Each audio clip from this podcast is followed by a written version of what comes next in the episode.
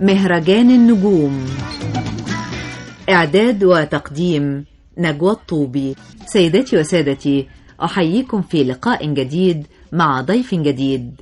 وضيف هذا اللقاء لمع على الشاشة الفضية خلال السنوات القليلة الماضية. قدم حوالي أربعين فيلما خلال عشر سنوات. نجم هذا اللقاء هو الفنان محمود عبد العزيز. أستاذ محمود عبد العزيز أهلا بيك في البرنامج. أهلا بيك يا فندم. مع بداية لقائنا بنحب نتوقف مع مرحلة الطفولة في حياتك وما تعنيه بالنسبة لك؟ مرحلة الطفولة بالنسبة لي آه، حب أمي وأبويا إخواتي وجودي في جو أسري ظريف جو شعبي. الناس آه، تقريبا كلهم بيحبوا بعض. ده اللي بفتكره يعني. يعني مجرد ال- الإحساس إن أنا منتمي آه، لأسرة آه، ناس مبسوطين يعني. وده شيء جميل جدا إن الإنسان ينشأ في أسرة سعيدة. آه، الحمد لله. في هذه المرحلة المبكرة هل بدأت هوايتك للسينما؟ هو في الحقيقة أنا ما كنتش أعرف لا سينما ولا من السينما. يعني هي بدأت الهواية عندي من وأنا مثلا أربع خمس سنين. المسألة بالنسبة لي كانت آه، إن أنا أحاط بأفراد الأسرة وأقلد جدتي أقلد آه، والدي آه، رحمة الله عليه. آه، أقلد أمي يعني أقلد محيط العيلة يعني. فكان الناس بتضحك وتنبسط. فده كان بيديلي إحساس بالسعادة قوي يعني ما أعرفش كنت ببقى سعيد قوي إن الناس بتبقى مبسوطة.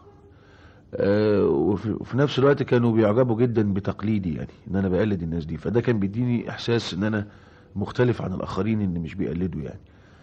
ونمت معايا ال- ال- المسألة دي لغاية لما دخلت المدرسة الابتدائية والإعدادية والثانوية والجامعة.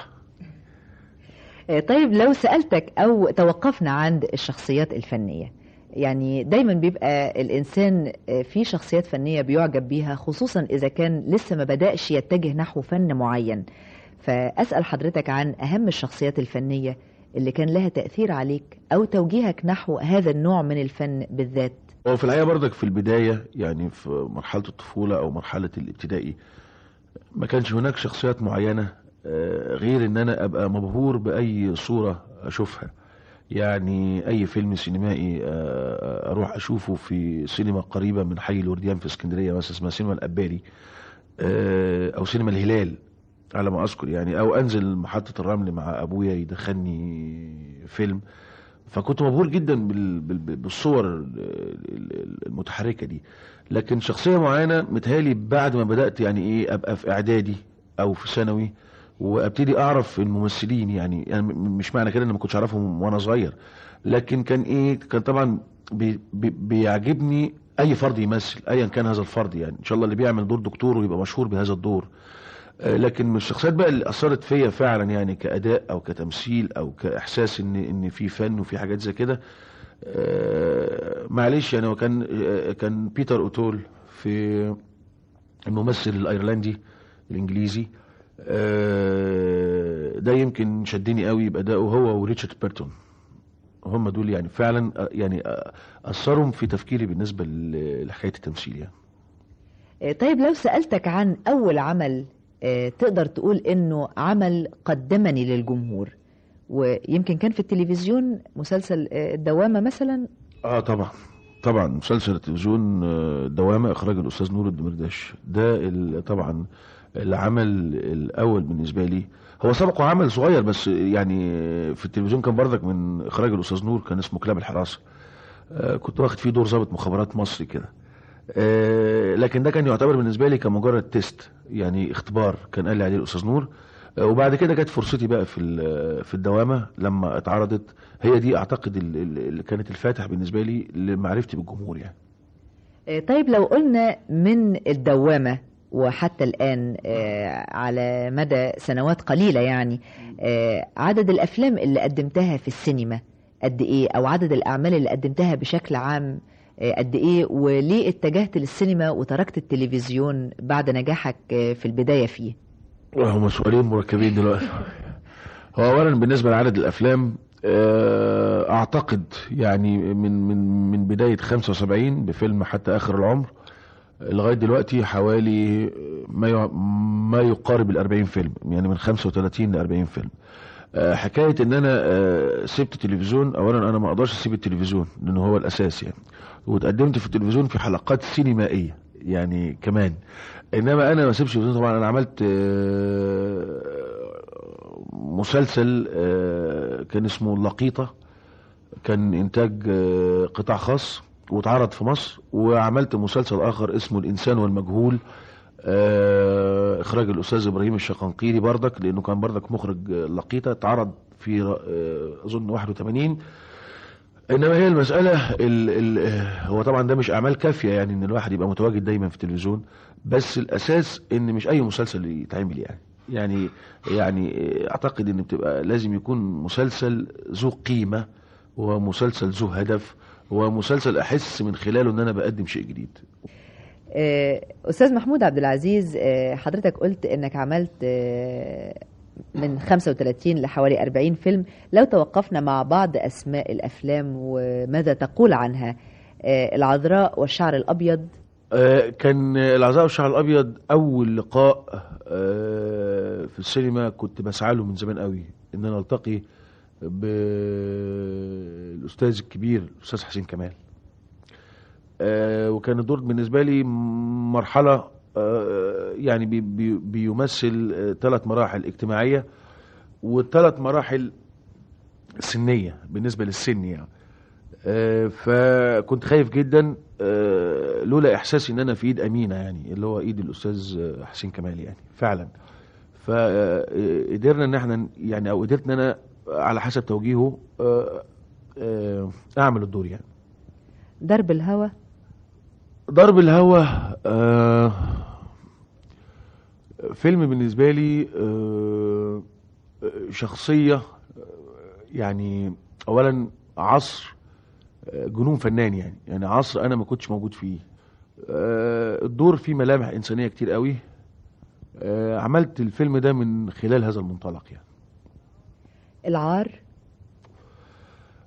العار كان نقطة آه، انطلاق أو نقطة انطلاقة آه، كبيرة جدا بالنسبة لي. آه، كنت زمان بقول لهم يا جماعة أنا مثلا يعني مش معقولة تقنية حد إن دمي خفيف أو إن الواحد مثلا ممكن يعمل من كوميدي من خلال من خلال الجدية. يعني مش شرط إن الإنسان يلبس ست آه، يلبس بنطلون قصير أو يعني أو أو يعمل حركات استفزازية مثلا أو أو حركات مبالغ فيها عشان أنا أقدر أوصل الضحك يعني. لكن ممكن الضحكة تأتي من خلال الموقف تأتي من خلال آه، العمل الجاد يعني. ما يمنعش إن يكون عمل جاد وفي ضحكة أو في بسمة يعني. فكان بالنسبة لي العار نقطة آه، بالنسبة لي حلوة قوي يعني. آه، يعني لو سألتك عن بعض من زملاء ماذا تقول عنهم؟ نور الشريف؟ آه، أقول آه، أو أقول عن الزميل نور الشريف إنه آه، ممثل آه، السهل الممتنع أو الممثل آه، الطبيعي يعني ما بيبقاش فيه آه، سنة التمثيل الزيادة يعني. حسين فهمي؟ حسين فهمي ده البريزيدنت بتاعنا ده الراجل آه، ال الإنسان المهذب الجنتلمان آه، في كل ما يفعله يعني. محمود ياسين؟ محمود ياسين آه، وجه مصري أصيل يعني. يعني بعتقد إنه بيمثل الشخصية المصرية الأصيلة يعني. عادل إمام؟ عادل إمام ده يعني شارلي شابلن مصر. بعتقد كده يعني. كل هذه الأسماء كان لهم تجربة أو أكثر على المسرح. لماذا لم تحاول التمثيل على المسرح؟ اولا أنا بدايتي كهاوي من أيام جامعة اسكندرية وكلية الزراعة إن أنا بعشق المسرح. لغاية لما جيت آه، وعملت الدوامة سنة 73 وعرضت في 74 اتعرض عليا العمل في فرقة خاصة كانت فرقة الأستاذ أمين الهنيدي. كانت مسرحية اسمها لوليتا. هذه المسرحية عملت لي ضيق في التنفس. يعني حصل لي نوع من ال ال ال الربو النفسي. يعني هو مش يعني م- م- م- يعني نوع من الإحباط مثلا. آه نوع من الإحباط. حسسني بعد كده إن أنا لازم لما أعمل مسرح آه، ما ما أقدرش أروح وأنا وأنا نفسي ضيق يعني وأنا وأنا كاره المسرح. يعني لابد إن يكون في نص. يعني أساسا أي شيء بيجذب الممثل بالذات هو النص ايا كان على المسرح في السينما في التلفزيون في الإذاعة. فلما بجد اتعرضت عليا مسرحيات كتير جدا وأنا بقول لحضرتك بعشق المسرح. لكن لقيت إن المسائل كلها عبارة عن عمليات آه، بتتوزن تجاريا. هو صح طبعا إنها تتوزن تجاريا بس المفروض بقى يبقى فيها الناحيه فنية. ومش مجرد يعني ان إن الواحد يبقى ممثل مشهور علشان يعمل مسرح. وحاليا أنا في في في, في انتظار عرض من الفنانين المتحدين من سمير خفاجي على أساس إن إحنا نعمل عرض إن شاء الله يكون عرض كويس. إن شاء الله. ونراك على المسرح ناجح كما في السينما. الله يخليك يا فندم يا رب. آه، الفنان محمود عبد العزيز آه، ماذا تمثل هذه الأسماء في الإخراج السينمائي؟ حسام الدين مصطفى. حسام الدين مصطفى بيمثل ال ال الأكشن ال مش الأكشن يعني إيه رجل حركي. يعني حتى لو عمل فيلم من غير أكشن فبتحسي بحياة. يعني بحس إنه اولا متمكن جدا من أدوات إنتاجه. ما عندوش تعقيد. يعني ممكن يكون هو راسم ال- ال- المشهد يتعمل مرة واحدة ممكن جدا آه، ب ب ب بالممارسة مع يعني ب بأثناء ما بيشوفنا وإحنا بنشتغل يعجبه قطعة معينة. ما ما يعقدش المسائل. حط الكاميرا في مكان معين ويبتدي يغير من السيستم بتاعه نتيجة الحركة اللي حصلت والممثل حسها ويبتدي مرن جدا في تعاملاته. أشرف فهمي؟ آه، أشرف فهمي آه، مخرج عبقري. عبقري بمعنى الكلمة. يعني وعنده التوجيه الدرامي أو ال dramatic direction قوي جدا يعني بي- بي- بيفتح للممثل يعني احتمال مثلا الممثل داخل فاهم بوجهة نظر معينة أشرف أستاذ أشرف بيفتح له مسائل تخليه يعيش أكتر في ادائه و- وبعدين متمكن جدا من حرفيته في السينما. يوسف شاهين. أنا لم يسعدني الحظ إن أنا أعمل مع الأستاذ يوسف شاهين.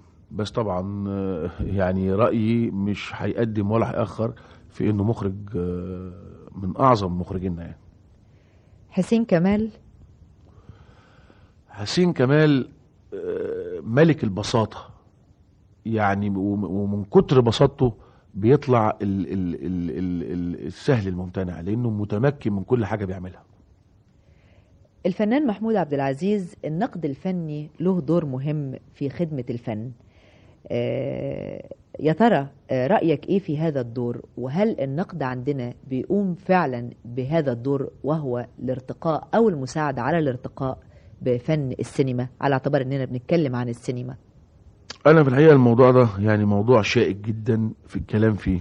يعني آه، مش برفض الإجابة عليه لكن أنا ب- آه، المفروض أن طبعا دور النقد يكون له آه، أو النقد أساسا لازم يكون له دور في رفع مستوى الفن عموما في أي شيء في كتب في في تمثيل في موسيقى في رسم في في أي شيء. يعني دي يمكن دي مش مش موجودة قوي وما أقدرش برضك أقول موجودة أو غير موجودة لكن أنا إذا سألتني أنا عن نفسي أنا أنا بفضل قوي النقد بالنسبة لي لأن ده بي بيعمل لي دافع للإجادة أكتر ما بزعلش. يعني أنا لما بيجي لي نقد يعني مثلا في أذكر إن ناقد مرة قال إن يعني إن محمود العزيز دايما فاغر فاه أو فتح بقه دايما في كل الصور اللي, اللي بتتاخد دي. آه، هذه الجملة أفادتني. يعني بالعكس ما زعلتش. لقيت فعلا لما جيت براجع نفسي في الأفلام لقيت إن النقطة دي صحيحة فبدأت أعمل على التغيير. وكانت نقطة في صالحي. يعني هو حضرتك تقصد ال- النقد البناء طبعا. آه طبعا نقد البناء.